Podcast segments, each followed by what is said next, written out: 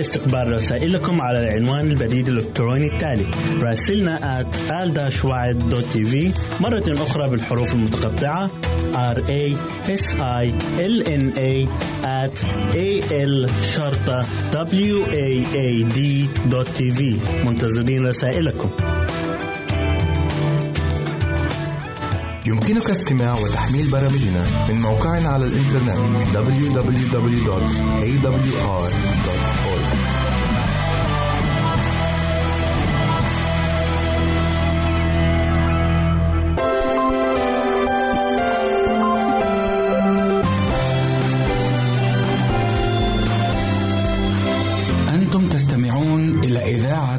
صوت الوعد.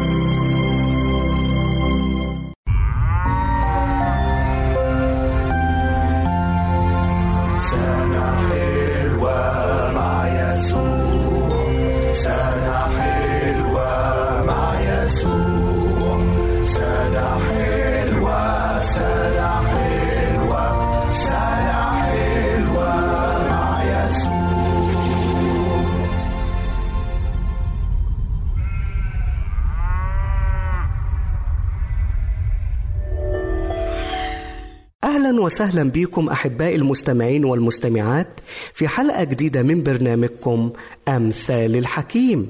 حكمة النهاردة من سفر الأمثال إصحاح عشرة وعدد 12 يقول لنا الحكيم البغضة تهيج خصومات والمحبة تستر كل الذنوب.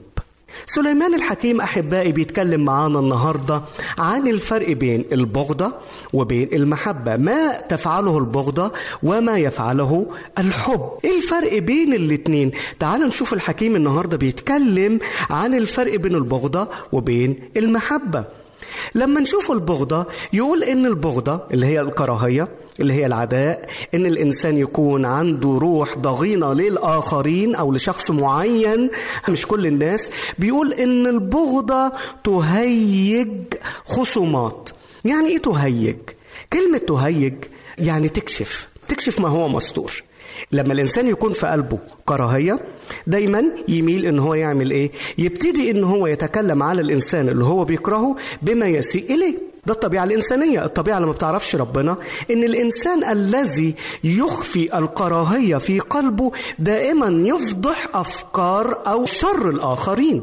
فهنا بتلاقي إن الإنسان اللي عنده بغضة في قلبه بيعمل إيه؟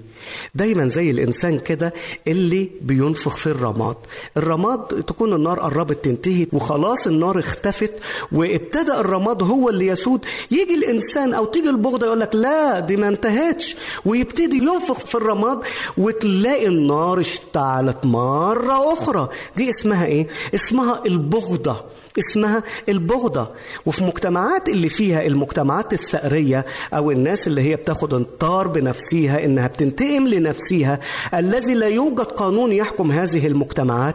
الحكاية دي دائما تلاقيها موجودة وقصص كتيرة إحنا نسمع عنها إن بسبب كلمة يكون مثلا في طار واحد باباه اتقتل وخلاص قال أنا هنسى وربنا هو اللي ياخد الحق وربنا كذا. وهو عنده اقتناع أن الثأر ده حاجة سيئة جدا جدا لا تليق لا بإنسان مؤمن ولا حتى بإنسان غير مؤمن متحضر.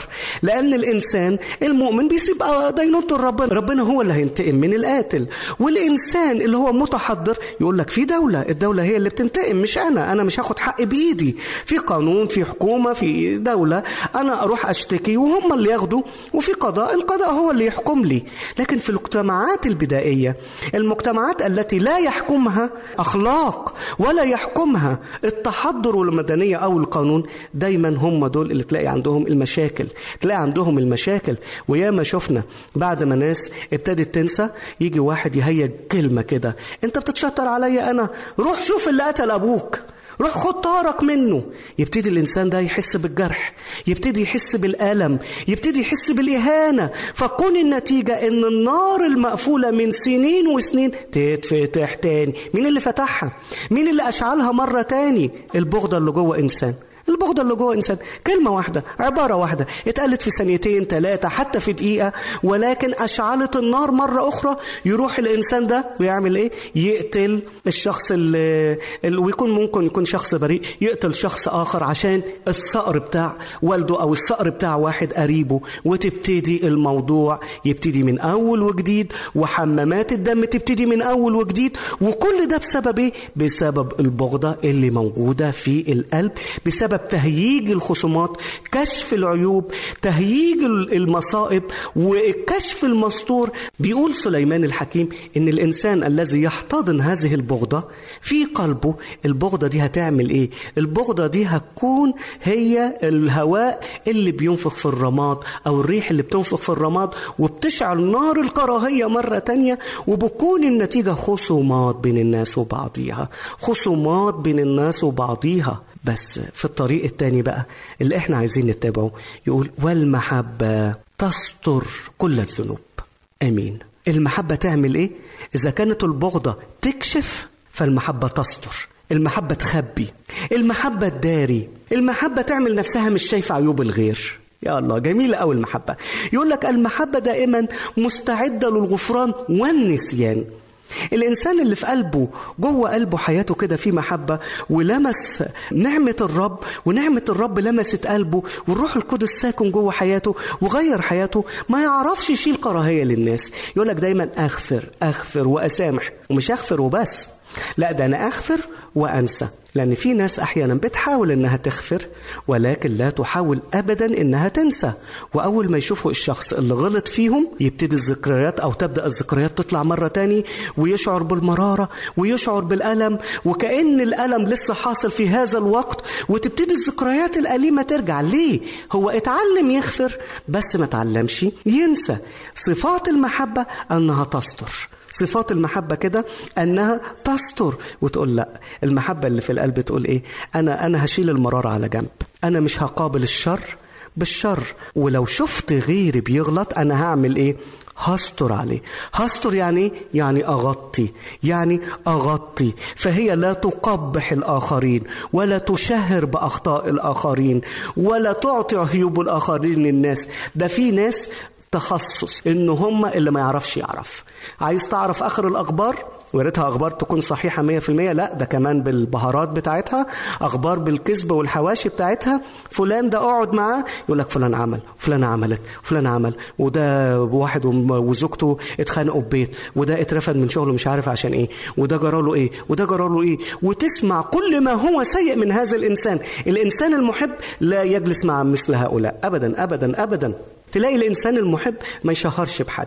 الإنسان اللي فيه خطية هو اللي يشهر. لكن الإنسان اللي فيه المسيح الإنسان اللي فيه الروح القدس يقول لك طب ما إحنا كلنا عيوب يعني. ليه أنا همسك عيب الآخرين و... وأنسى عيوبي أنا؟ ولما تيجي أنت تكلمه عن حد يقول لك لا لا لا خلاص سيبنا من السيرة دي. ربنا هو اللي عالم القلوب. ربنا هو اللي عالم الأسرار. بس هنا خلي بالنا المحبة المحبة تستر كثرة من الخطايا ولكنها لا تتجاهل مع هذه الخطايا. في فرق. بين إنها تستر أو تتجاهل. آه، مش معناها إنها تستر. تستر عن عيوب الناس. يعني أنت لو شفت غلطة في حد ما تقولهاش لحد. خلاص؟ لو شفت غلطة في إنسان معين ما تقعدش تعملها له إذاعة بقى. وتقول كل اللي رايح واللي جاي ده عمل وده عمل واللي فكرته موسى طلع فرعون. لا لا لا دي مش المحبة دي البغضة والكراهية. لكن المحبة تستر العيوب. تستر العيوب بس مش معناها تتجاهل العيوب. في فرق بين الاثنين إزاي لا تتجاهل العيوب؟ يعني إذا شفت الإنسان ده بيغلط إذا شفت الإنسان ده سيء قدامك بينك وبينه بينك وبينه تعالى كلمه انصحه وبخه. قول له على اللي المفروض يعمله. قول له على الطريق الصح اللي لازم إن هو يسلك فيه. وكون عن طريق إن أنت لوحدكم على انفراد على انفراد. دي الطريقة اللي قالها الرب يسوع. إن أخطأ إليك أخوك اذهب وحدكما بينك وبينه. بينك وبينه. هي دي المحبة الحقيقية. مش المحبة إن أنت تتجاهل أخطائه ولكن المحبة إن أنت لما تيجي تعالج أخطائه ما تفضحوش وتشهر بيه قدام الآخرين. تعالى لوحدك. وإذا ما سمعش منك الخطوة التانية هات اتنين تلاتة معاك من الكنيسة. شفتوا الحكاية بتكبر بس ببطء بس أول خطوة تكون إيه؟ تكون أنت لوحدك. هي دي المحبة التي تستر العيوب تستر الذنوب تستر الأخطاء وتحافظ على سمعة الناس. ولو ما سمعش من الاتنين تلاتة هات بقى الكنيسة يبقى أنت كده عملت كل ما في وسعك عملت كل اللي عندك. عشان كده أحباء الكتاب بيأكد علينا هذه الحقيقة في آه، رسالة يعقوب إصحاح خمسة وعدد عشرين. نسمع كده بيقول إيه؟ فليعلم أن من رد خاطئا عن ضلال طريقه يخلص نفسا من الموت. ويستر كثرة من الخطايا. إذا هنا واضح جدا أن الإنسان اللي بيستر الخطايا مش معناها بيتجاهل الخطايا ولكن عنده أسلوب مختلف في معالجة الخطايا. عنده أسلوب المسيح اللي هو أن أنا بحب الناس وأن أنا بعمل لخيرهم ولما باجي أصلحهم أو أرشدهم بيكون للبناء وليس للهدم. البغضة تهيج خصومات والمحبة تستر كل الذنوب. يلا بينا أحبائي. يلا بينا نتعلم النهارده إزاي نغفر نغفر لحد عمل معايا إساءة. لإنسان أنا لسه بحس بالألم كل ما بيذكر اسمه. تعالوا النهارده نفتح صفحة جديدة مع هذا الإنسان. اكتب اسمه عندك وقول له يا رب أنا واضع هذا الاسم أمامك. يا رب الإنسان ده أساء إلي في الماضي وأنا حاسس بالإساءة دي وما زالت نفسي تعاني من هذا الألم. ولكن أنا بنعمة المسيح. آتي إليك الآن طالبا منك يا رب إنك تعطيني القوة لكي أغفر لهذا الإنسان لكي أسامح هذا الإنسان لكي أنسى إساءة هذا الإنسان ليا. ساعدني يا رب إن أنا أستر كل الذنوب. آمين. سعدت أحبائي بوجودي معكم. على أمل اللقاء مرة أخرى. سلام الرب معكم وإلى اللقاء.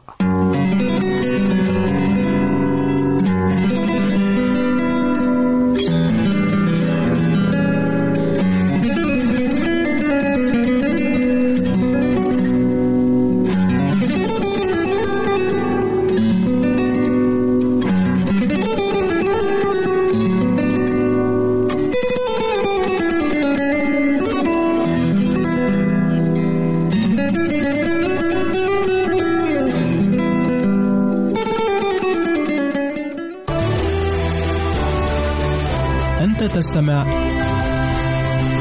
إلى إذاعة صوت الوعد.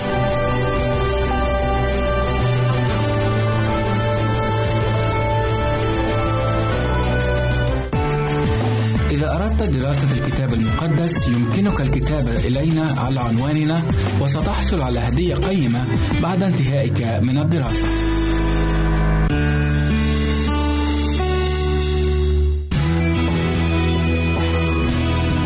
يمكنك استماع وتحميل برامجنا من موقعنا على الإنترنت www.awr.org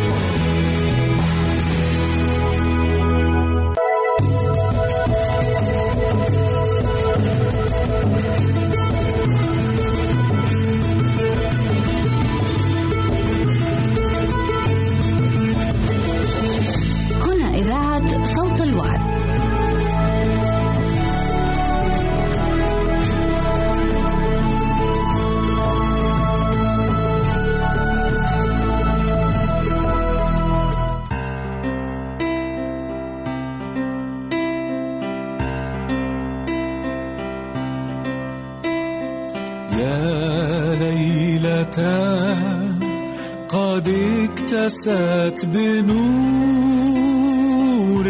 بل زينت وجهها بالنجوم. في فرحة بمولد المسيح إذ جاء كي ينتهي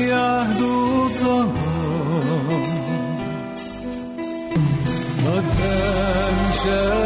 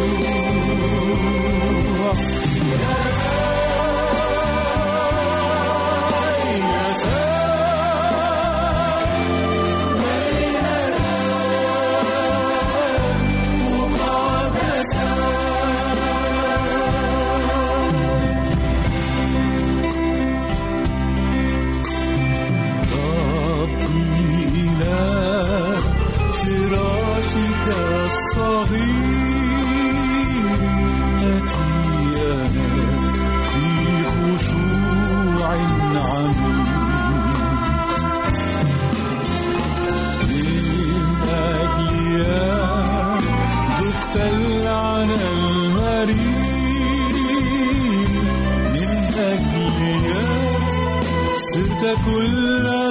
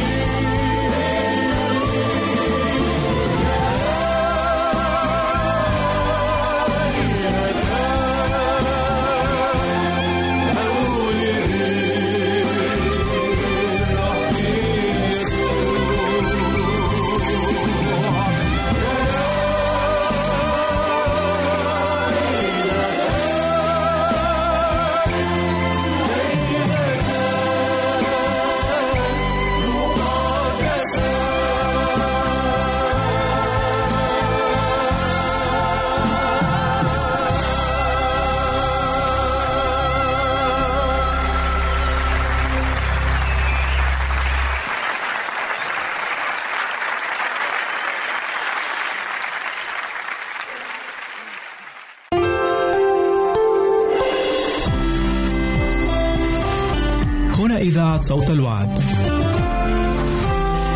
لكي يكون الوعد من نصيبك. أعزائي المستمعين والمستمعات يسعدنا استقبال رسائلكم على العنوان البريد الإلكتروني التالي راسلنا at مرة أخرى بالحروف المتقطعة r a s i l n a at a l شرطة w a a d منتظرين رسائلكم يمكنك استماع وتحميل برامجنا من موقعنا على الإنترنت www.awr.org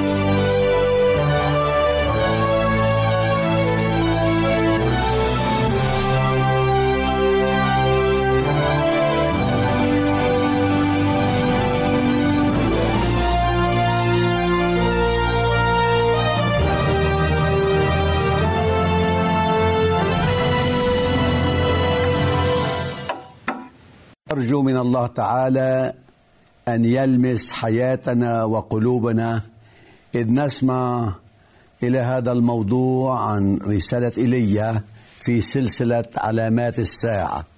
وسأقرأ من العهد القديم آخر سفر سفر الملاخي وآخر أصحاح الأصحاح الرابع وآخر أيتين العددين الخامس والسادس.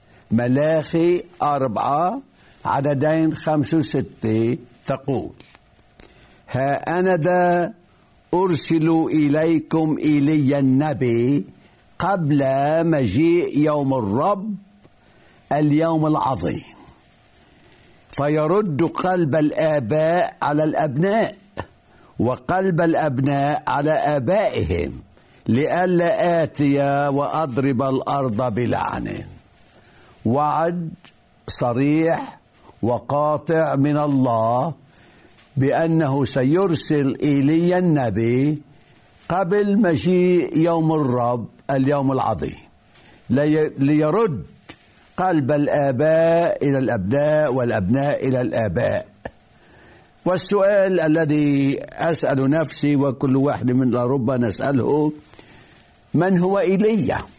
متى عاش؟ وما هي رسالته يا ترى؟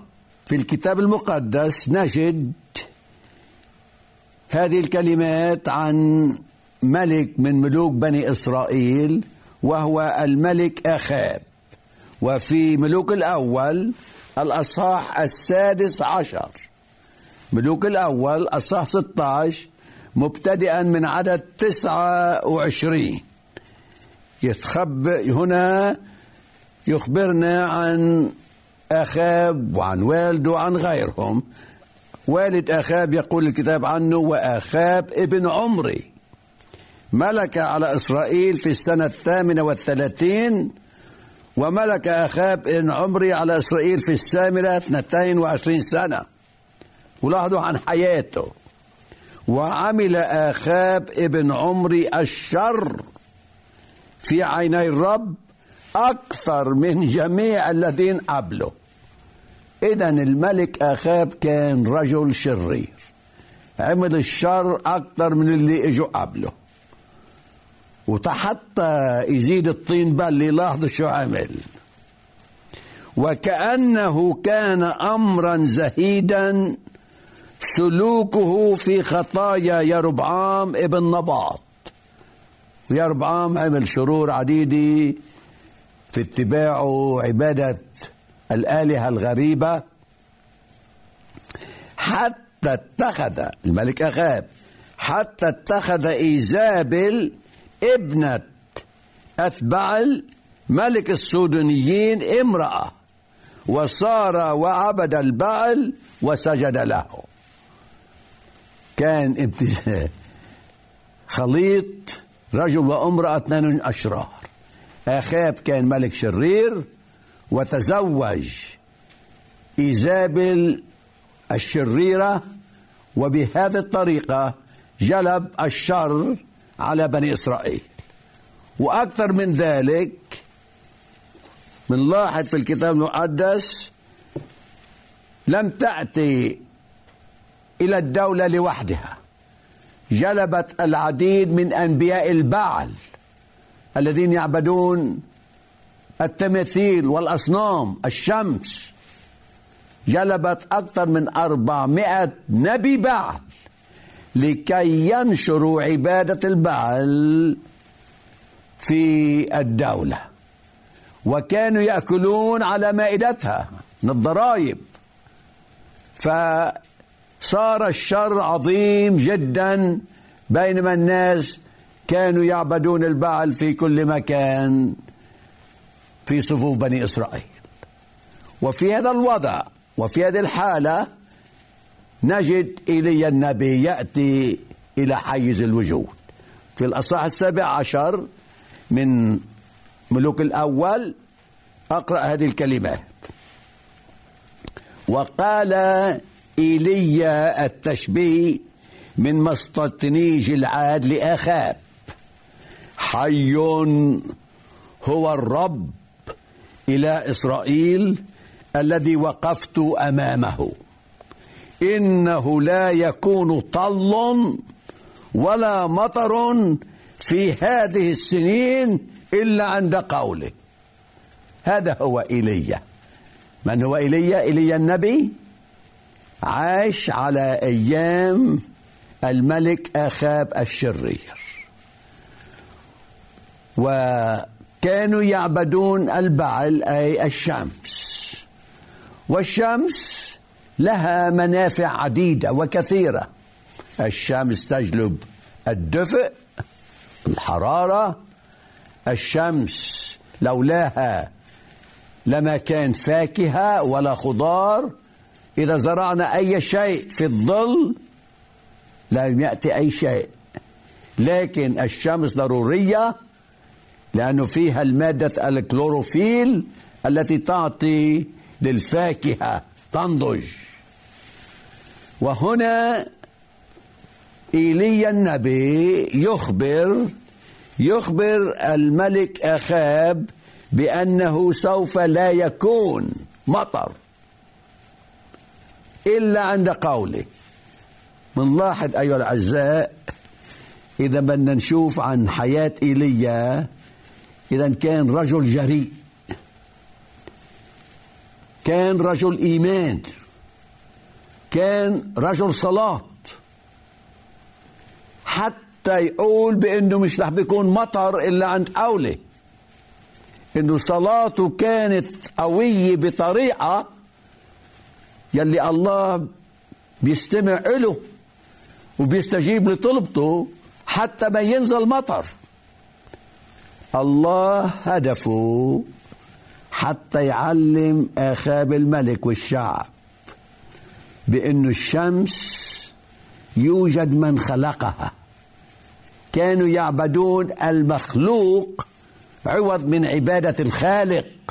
يوجد من خلق الشمس وعندما الشمس تأتي حرارتها بقوة ولا يكون مطر ماذا يحصل يا ترى؟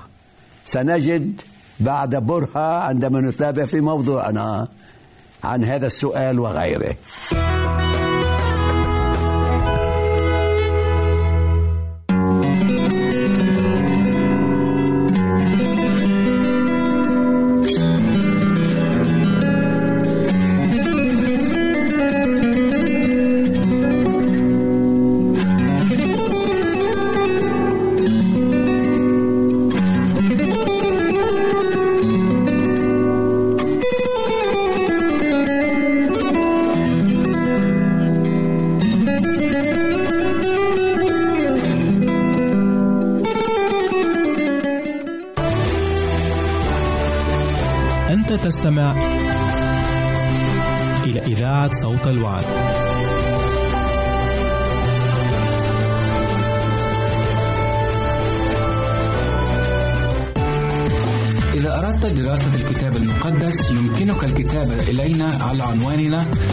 وستحصل على هدية قيمة بعد انتهائك من الدراسة.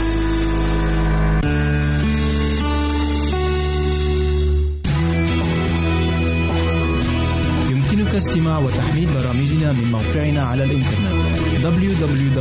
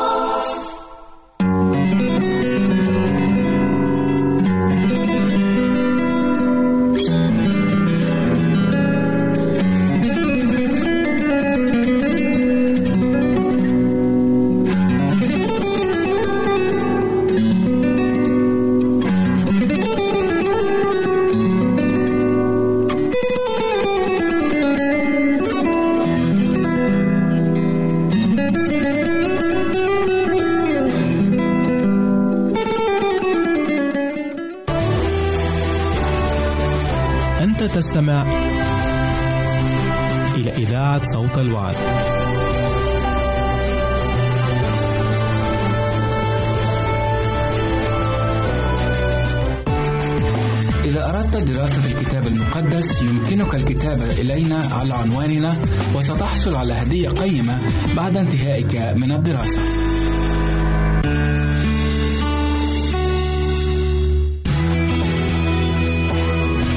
يمكنك استماع وتحميل برامجنا من موقعنا على الإنترنت www.awr.org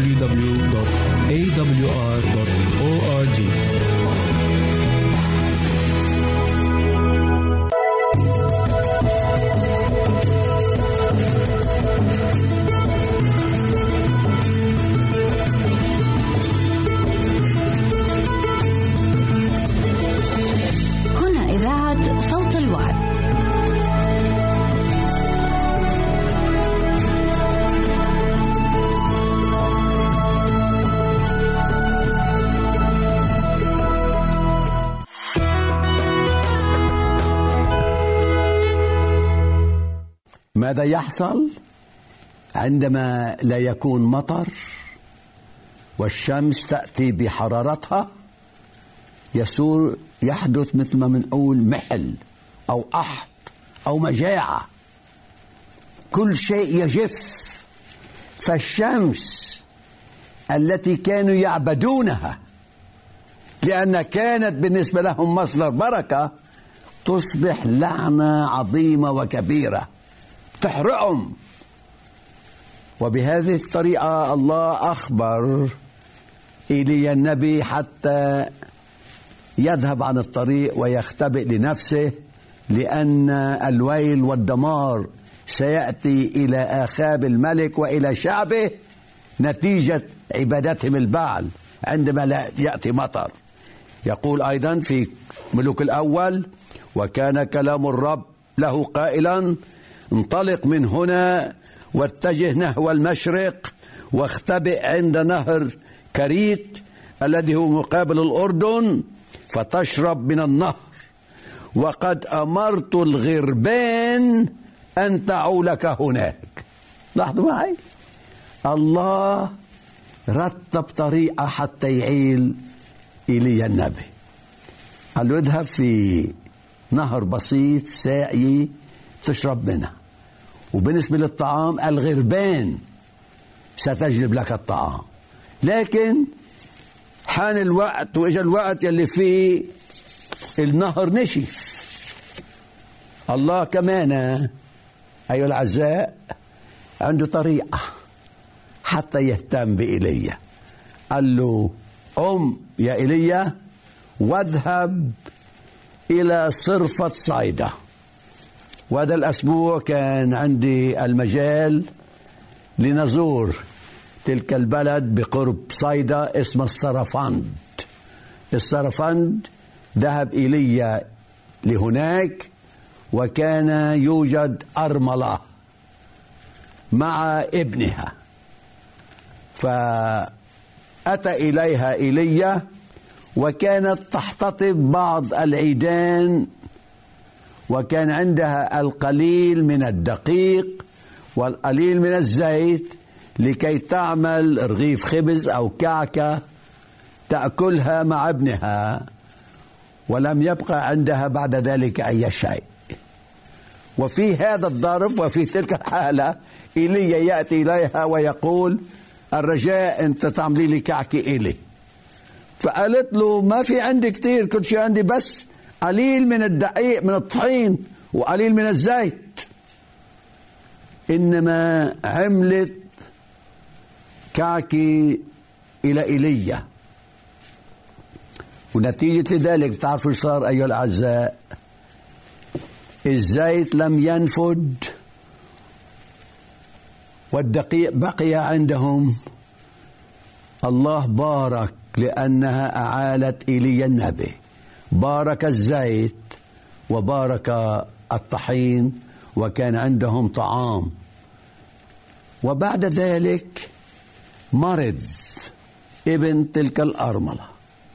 والله استعمل إيليا النبي كي يقيم ذلك الولد من الموت. هذه أعجوبة أجراها إيليا إذا عندما نسأل ونفهم عن إيليا النبي. عاش في ظرف وعاش في وضع على أيام آخاب حيث عبادة البعل كانت منتشرة إنما بقي صامدا لله وكان قويا في إيمانه واستعمله الرب بطرق عجائبية إذ الغربان كانت تعوله والطحين والزيت لم ينفد عند تلك الأرملة. وبعدها أقام ابنها. ثم تمر الأيام والله يطلب من ايليا الآن أن يذهب ويرى الملك. الملك كان يفتش عليه لأنه هو حسب ظن الملك بأن ايليا هو سبب هذه المشاكل سبب هذه المصائب سبب هذه الويلات سبب هذا القحط والمجاعة.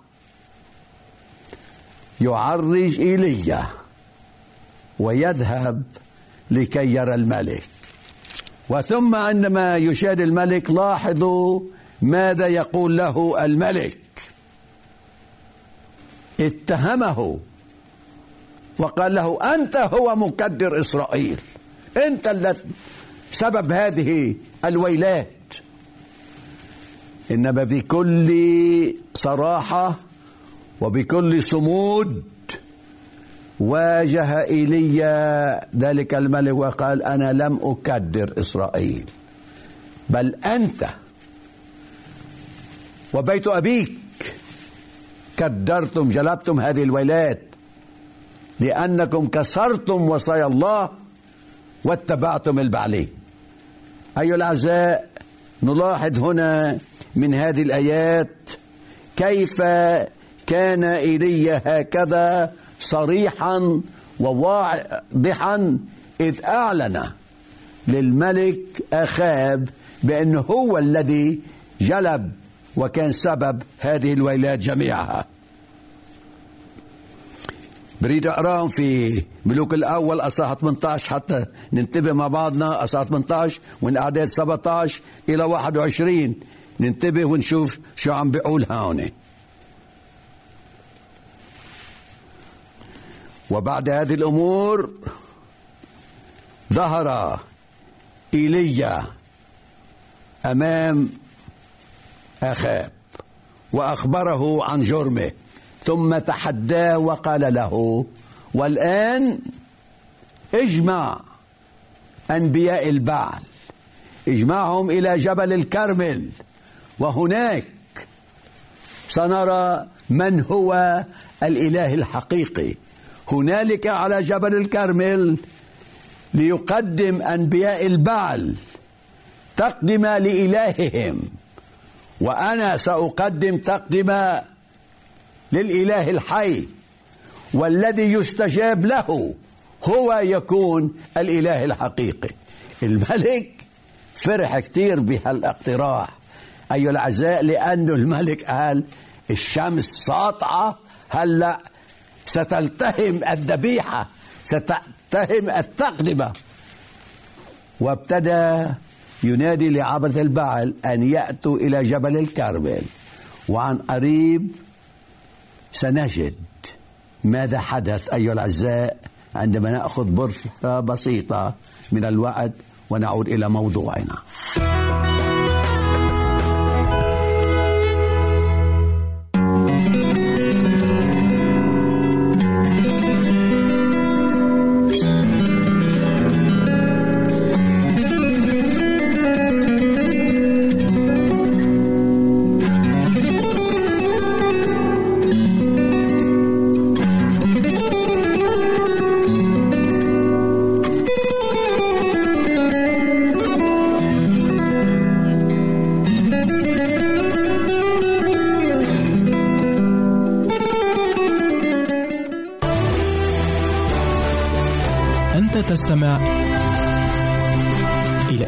صوت الوعد.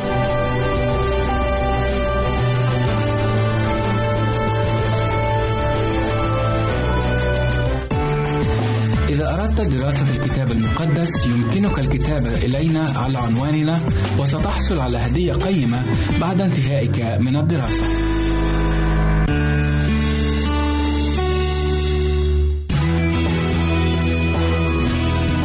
استماع وتحميل برامجنا من موقعنا على الإنترنت www.awr.org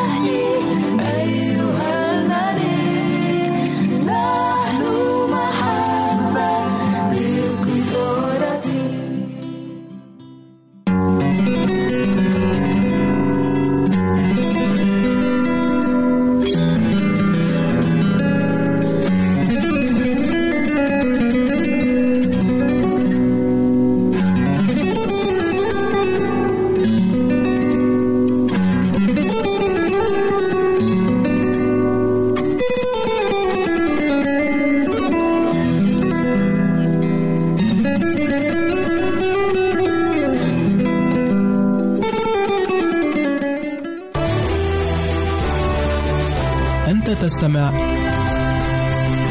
إلى إذاعة صوت الوعد.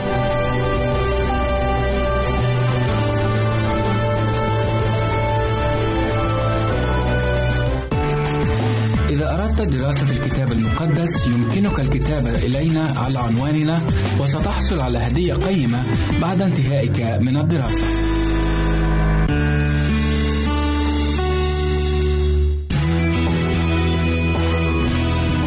يمكنك استماع وتحميل برامجنا من موقعنا على الإنترنت www.awr.org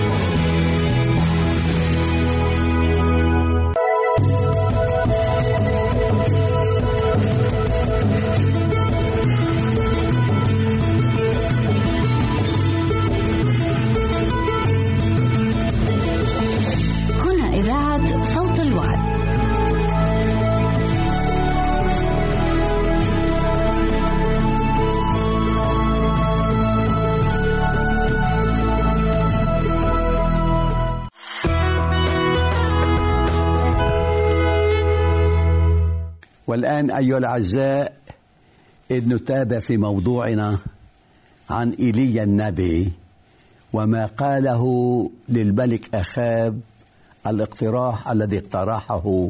فقال الآن أرسل واجمع إلي كل إسرائيل إلى جبل الكرمل وأنبياء البعل أربعمائة والخمسين وأنبياء الصواري أربعمائة. إذا 850 نبي. أنبياء الصواري اللي للصور والتماثيل وأنبياء البعل 450 850 نبي. اجمعهم. الذين يأكلون على مائدة إيزابل. فأرسل آخاب إلى جميع بني إسرائيل وجمع الأنبياء إلى جبل الكرمل. فتقدم إيليا إلى جميع الشعب وقال لاحظوا شو قال لهم؟ حتى متى تعرجون بين الفرقتين؟ الشعب كان عم يتظاهر إنه عم يعبد الله وبنفس الوقت عم يعبد البحر. الإنسان من الصعب إنه يعبد الاثنين. تابع في حديثه قال إن كان الرب هو الله فاعبدوه فاتبعوه وإن كان البعل فاتبعوه. فلم يجبه الشعب بكلمة. انه الإنسان إذا كان بده يركض صعب يحط إجر في البحر وإجر على اليابسة ويمشي ما بيقدر. إذا سبح بيقدر يسبح بالماء وإذا مشي على اليابسة بيقدر يركض. أما يحط رجل في الماء ويجر على اليابسة صعب يمشي بك- بسرعة. وهؤلاء الأشخاص على أيام الملك أخاب كانوا عم بيجربوا يرضوا الاثنين. يعبدوا البعل ويعبدوا الله. لكن إيليا وضع النقاط على الحروف وقال لهم لماذا تعرجون بين الفرقتين؟ إذا كان الله هو الله الحقيقي فاعبدوه واتبعوه. وإذا كان البعل هو الإله الحقيقي فاتبعوه. معقول هالشي؟ فلم يجبه بأي كلمة. ثم قال أنا وحدي بقيت هنا لكي أنادي بكلام الرب واقترح على الأنبياء قال أنتم ابتدئوا. ابتدئوا وقدموا ذبيحة. وابتدأوا في تقديم الذبيحة ولكن كما يقول المثل ولا حياة لمن تنادي. وبدأ إيليا يستهزئ بهم ويقول لهم لربما إلهكم نائم. صيحوا أكثر وعلوا صوتكم بلكي يستيقظ ويستجيب إلكم. إنما لم يحدث أي شيء. وبعدها أتى دور ايليا بادئ ذي بدء رمم المذبح لأن مذبح الرب كان مهدوم لأن عبادة الأوثان والتماثيل والبعل كانت منتشرة. أما هو رمم المذبح ثم وضع الذبيحة عليه ثم قال لهم اسكبوا ماء. حتى ما يكون أي حجة أو أي عذر إنه في نار قريبة. أربع براميل مي وضعوها حول الذبيحة. قال ثنوا كمان أربع براميل تاني. فثنوا وثلتوا 12 برميل مي حتى الذبيحة وحولها. كلها كانت ملآنة بالماء. ثم هنا نجد الآن إيليا النبي يصلي ويصلي الله ويقول هذه الكلمات استجبني يا رب. استجبني ليعلم هذا الشعب أنك أنت الرب الإله. تعرفوا شو صار؟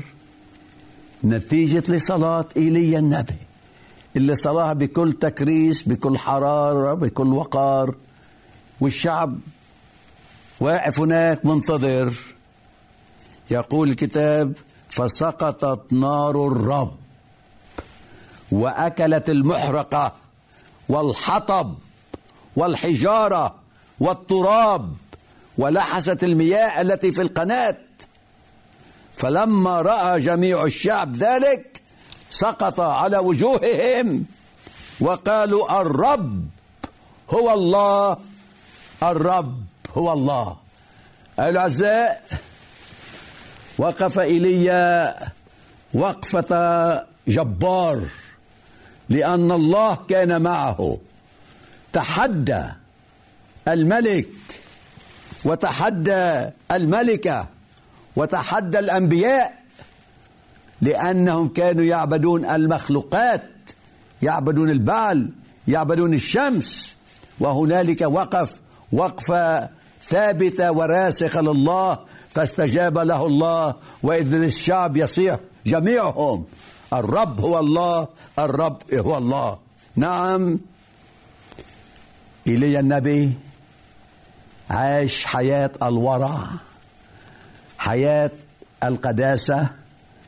كان جريئا كان مخلصا كان صادقا كان امينا كان رجل صلاة كان يستقي ويستمد القوة من الله تعالى وبقي امينا لله وبهذه الطريقة دعا الشعب لكي يعبدوا الله من جديد.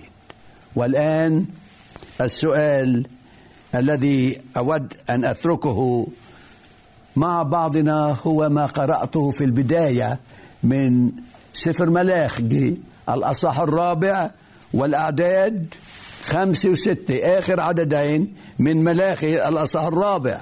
ماذا يقول الكتاب؟ ها أنا ذا أرسل إليكم ايليا النبي قبل مجيء يوم الرب اليوم العظيم والمخوف. فيرد قلب الآباء على الأبناء وقلب الأبناء على آبائهم لئلا آتي وأضرب الأرض بلع السؤال هو هل أتى إيليا لأننا موعودين فيه. وبشيئة الله سندرس عن هذا الموضوع. عندما نتابع في الحلقة القادمة سندرس عن هذا الوعد الثمين بأن الله سيرسل إلي النبي. ليباركنا الرب جميعا. وعسانا أن نعيش كما عاش إيليا